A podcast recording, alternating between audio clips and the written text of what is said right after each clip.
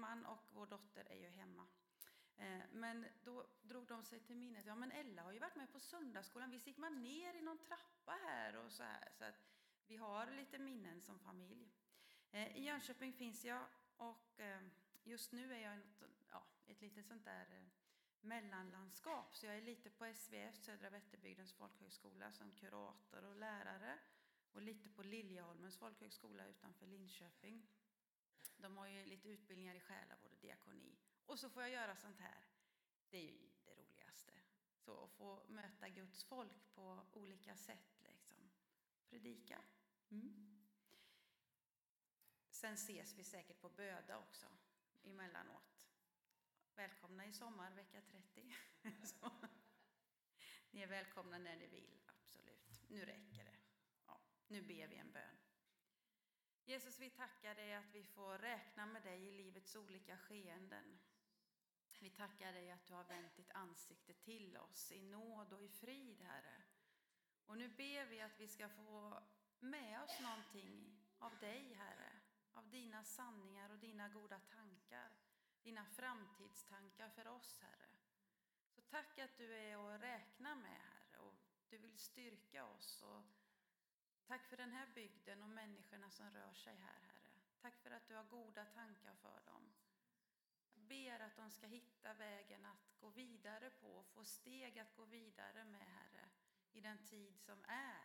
Tack för att det aldrig är så att vi behöver tänka att det bästa bara ligger bakom, utan tillsammans med dig så finns det alltid nya möjligheter, Herre. Oavsett omständigheter så finns det alltid något att se fram emot, Herre. Och det tackar vi dig att du vill påminna oss om idag. Amen. Jesus, eller vår Herre då, Gud, treenigheten, Gud fader, säger i Jesaja 43 och 19 så här. Nu gör jag någonting nytt.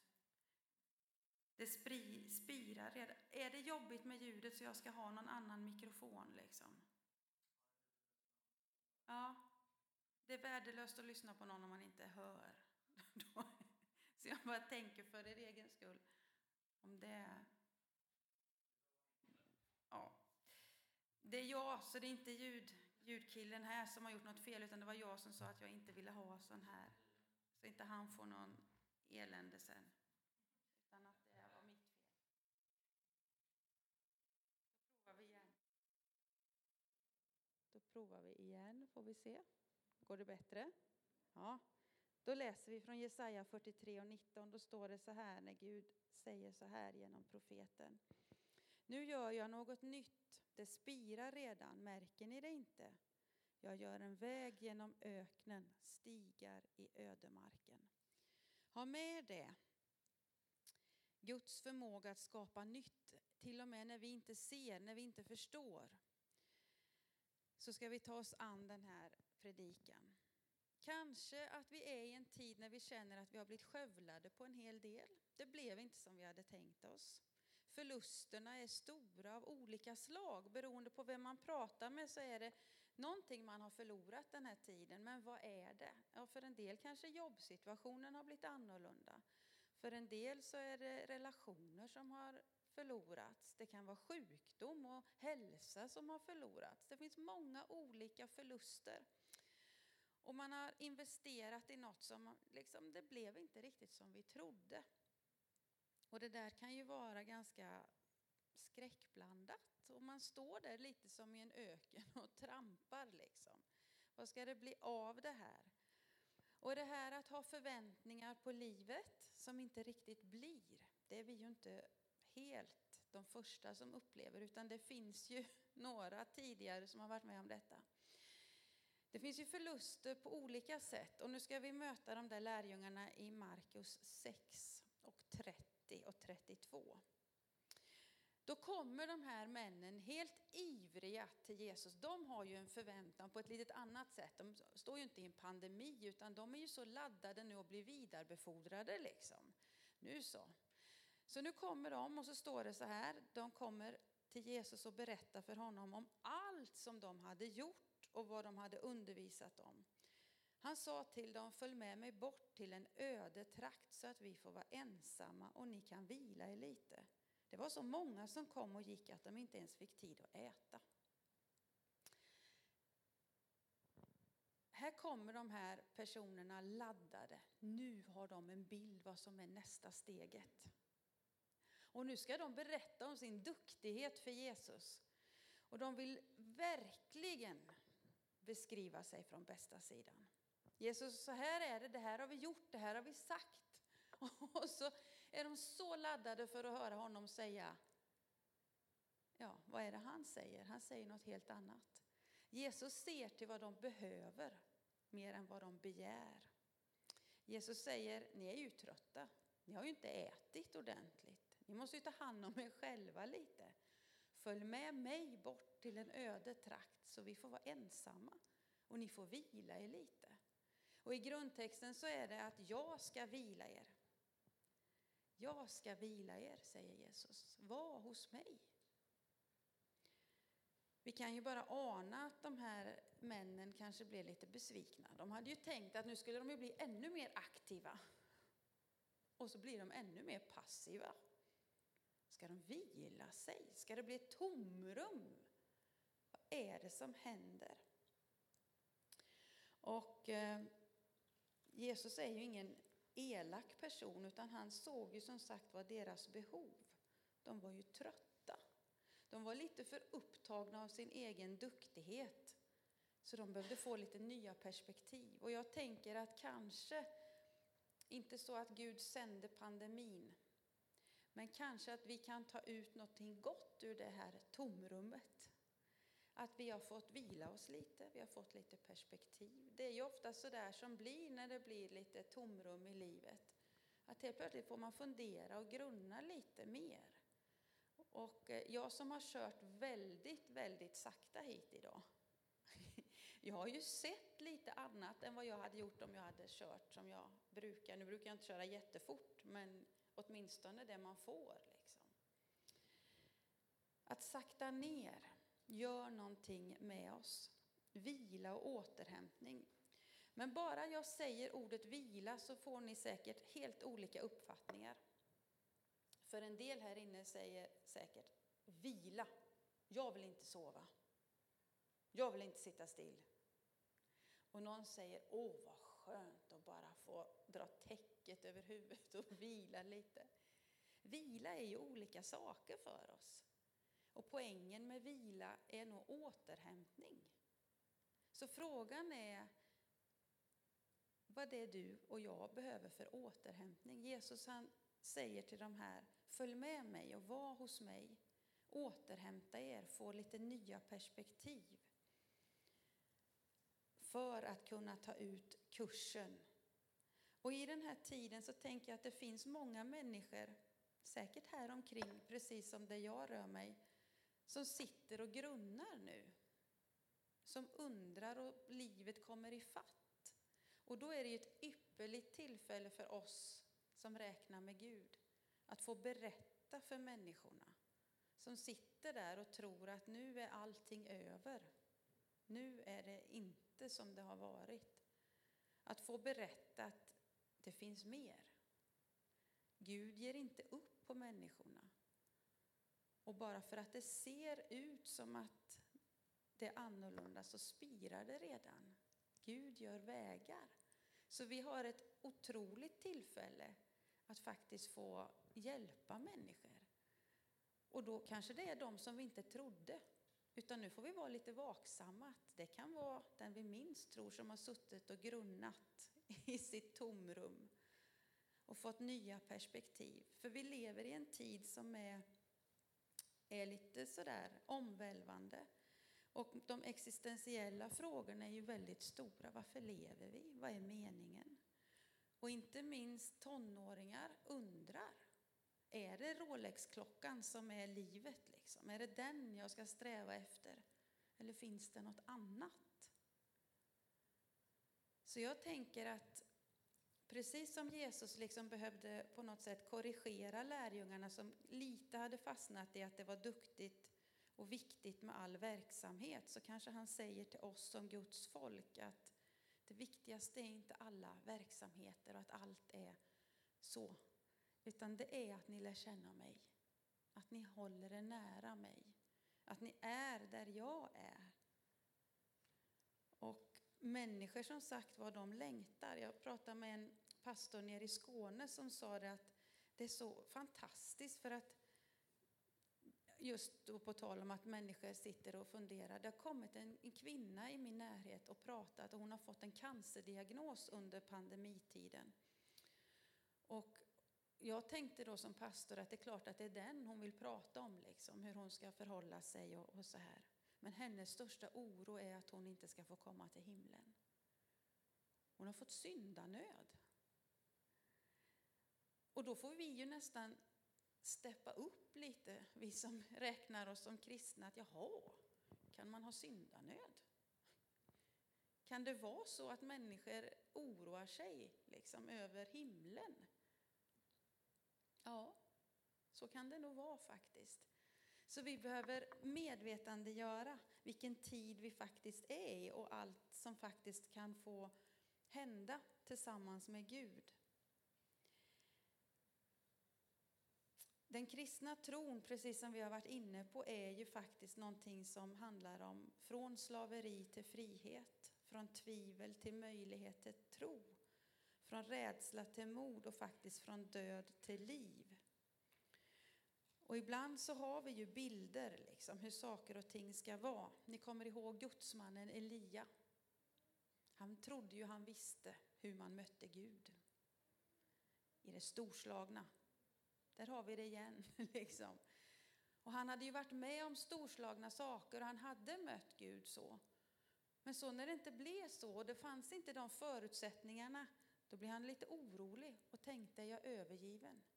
Har det blivit något fel liksom, med mig eller vad är det som händer? Vart är det Gud möter honom? Jo, i den stilla susningen. Gud älskar att överraska oss. Och jag tror att det är för att vi inte ska liksom tro att vi vet precis hur han fungerar. Utan han, han vill hjälpa oss att tänka att han är större, han är mer. Så att när du och jag gör som vi brukar göra och kanske inte upplever det där som vi brukade göra, så behöver vi inte vara oroliga att vi är övergivna. Utan Gud har nya sätt att också hjälpa oss att se och förstå hans omsorg, hans kärlek och hans närvaro. Det finns ett hopp som vi får liksom fästa oss vid. Och när vi hade sån här partiledarutfrågning i fjällstugan där jag jobbar senast, så var det från olika partier och de skulle prata om sina grejer och ordningar, ni vet ifrån olika och få oss att rösta utifrån. Och sen när allt är färdigt, liksom, för jag var med och ledde i det där, så är det en, och det spelar ingen roll vilket parti det var, utan det är en av de här som, som eh, kom fram och så sa hon så här efteråt att ni som är kyrka, alltså ni måste ju ta bollen. För om inte ni berättar vad hopp och tröst är, då finns det ju ingen som kan göra det. Mm, tack. Människor behöver oss. De längtar efter att vi ska berätta varför ni har kommit hit en dag när det är halt ute och det är lite si så där. Någonting har drivit er hit. Att få bevara det där. Att få ge det vidare. Det här med tomrum är ju intressant. Jag vet inte om ni har läst Thomas Sjödins bok. Han har, han har ju skrivit många, men han har skrivit en om de här tomma klockorna. Ett brustet halleluja. Mm. Och där skriver han om klockan som är tom. Och jag gillar ju rekvisita, så jag tog med mig lite hit också. En klocka är ju på ett sätt ett tomrum. Men här behövdes ju ett tomrum, för annars så skulle det inte kunna låta. Är ni med? Att få en tid av återhämtning, att få en tid ibland, en söndag i veckan, en vilodag, eller en pandemi eller en annan tid när någonting kanske har ryckts ifrån oss och vi tycker att här är bara tomt. Så kan det också vara en plats för nya ljud. Som människor kanske får höra och förundras av. Och Thomas Tranströmer han skriver så här, och det tomma vänder sitt ansikte till oss och viskar, jag är inte tom, jag är öppen. Och det är något annat, att vara öppen, att ta emot. Och ibland, ni vet, om man är helt full av grejer i sina händer, då kan man ju inte ta emot mer heller. Så ibland handlar det om att lägga ner. Och där kommer vetekornets lag. Mm. Det är ju bibliskt. Ibland får man lägga ner något för att något annat ska kunna uppstå. Och eh, nu ska jag inte göra någon slags sån här kommersiell grej, men jag har skrivit en bok utifrån mitt eget liv och där är vetekornet på framsidan. För det är en så stor del av mitt liv och mitt sätt att tala kristen tro. Att ibland så tas saker ifrån oss, hälsa och olika saker som vi var inne på innan. Och man tycker att ah, det är så smärtsamt att lägga ner. Och tack vare det så får något annat uppstå. Och i mitt liv så fick jag ju en reumatisk sjukdom när jag var 11. Och det kan man ju tycka är ett skövlande. Liksom. Det är ju en slags förlust av hälsa när man är barn och ska bli tonåring. Men jag är ganska övertygad om att, inte att Gud har sänt den, men han har hjälpt mig att göra någonting av den. Jag tror inte jag hade varit så fascinerad av själavård och psykologi och teologi om jag inte hade fått liksom brottats med det här själv. Hur får man ihop livet när det gör ont? Är Gud god fast man är sjuk? Redan som barn? Ja, ni vet. Så våra förluster, våra tomrum kan med Guds hjälp bli någonting som är vackert och få låta och hjälpa människor att komma rätt. Men även om det här är fint liksom, så är det ju lite torftigt. Nu sista rekvisitan för dagen. Det som är ännu vackrare och ännu ljudligare det är ju det är nästan julotta. Häst, häst och vagn. Är ni med? När vi tillsammans som Guds folk får komma med det som är vi. Och så får vi lägga våra ljud tillsammans liksom och spela en melodi. Och den skär sig ju aldrig, för Gud har ju lagt ner gåvor i oss som passar ihop. Därför har vi inte alltid fått precis samma gåvor, utan du är ju du och jag är jag. Och så får vi tillsammans leda människor till synagogan, till kyrkan, till Guds hjärta. Och då är det inte så farligt att våra tomrum ser lite olika ut. Utan det ger ju snarare en mångfald som gör att människor kan känna igen sig och höra den där tonen från himlen på något sätt. Det finns en sång den inte, ger sig inte ut för att vara kristen, men den har sådana undertoner och den heter Sankta Klara klocka, slå för mig. Det är Malena Ernman som sjunger den. En jättemaffig sång om Sankta Klara kyrka i Stockholm. Och det är ju en kyrka, ni vet, där Karl-Erik Salberg fanns. Eh, och som verkligen går Guds ärenden, för att även om han har varit ett namn så lever inte liksom det som han gjorde tog inte slut när han gick till himlen utan verket är större än personen. Sankta Clara klocka, eh, slå för mig, sjunger de här. Och så står det så här, höj din röst för allt som vågar slå mot det som sårar. Sankta Clara klocka, slå för mig för den väg som leder hem. Sankta Clara klocka, slå igen. Och för mig blir det en bön liksom. Att människor önskar att kan inte stå upp för människor som lever i utsatthet, i människor som kämpar liksom. Jag tycker vi hör de här rösterna hela tiden. Berätta för oss om hoppet, berätta för oss. Stå upp för de här goda värderingarna, för vi behöver Gud, vi behöver kyrkans hjälp, vi behöver varandra. Och eh, på tal om Karl-Erik Salberg så sa han ju, eller hade han ju skrivit innan han dog att tro inte jag är död när du läser det här, för då lever jag som aldrig förr. Det var hans liksom, ja, efterlämnande. Att hoppet finns där. Det bär genom död till liv. Och det vill leda människor till en hemkänsla. Så när du och jag hamnar i de där perioderna, när vi tycker att nu är det bara fråntaget med en massa, så kanske det också är så att vi inte bara är tomma utan vi är öppna för något nytt. Se, jag vill göra något nytt, redan nu spirar det. Gud vill fylla dig och mig med sitt goda och han vill sätta oss samman liksom. Så att vi ännu mer får betyda någonting i den tid som är. Ge hopp och ge tröst. Vi ber tillsammans. Jesus Kristus, vi tackar dig för att du vill påminna oss om att det inte alltid är så farligt att faktiskt tömma sina händer eller lägga ner eller till och med vara med om en förlust. Även om det är någonting som är väldigt drabbande och svårt.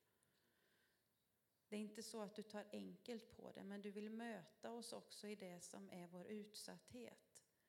Och du vill använda oss till att fylla på, Herre så att vi kan få uppleva ännu mer av dig. Tack att vi aldrig liksom kan säga att vi vet allt om dig, utan det finns alltid mer att upptäcka. Mer av din kärlek, mer av din nåd och mer av din glädje och frid, Herre. Tack att du vill använda oss som små klockor i den här tiden, att få ringa för ditt rikes skull, Herre. Att få värna dina sanningar, Herre. Tack för att vi med vår sårbarhet kan få lägga den bredvid varandra och bredvid dig, Herre. Och då kan det få bli till en styrka som ger tröst och hopp för människor som lider, Herre. Som undrar och söker. Är det materiella allt? Är den här jordetiden allt, Herre? Tack att du vill rusta oss. Du vill hjälpa oss att göra oss fasta i hoppet, fasta i dig, Herre.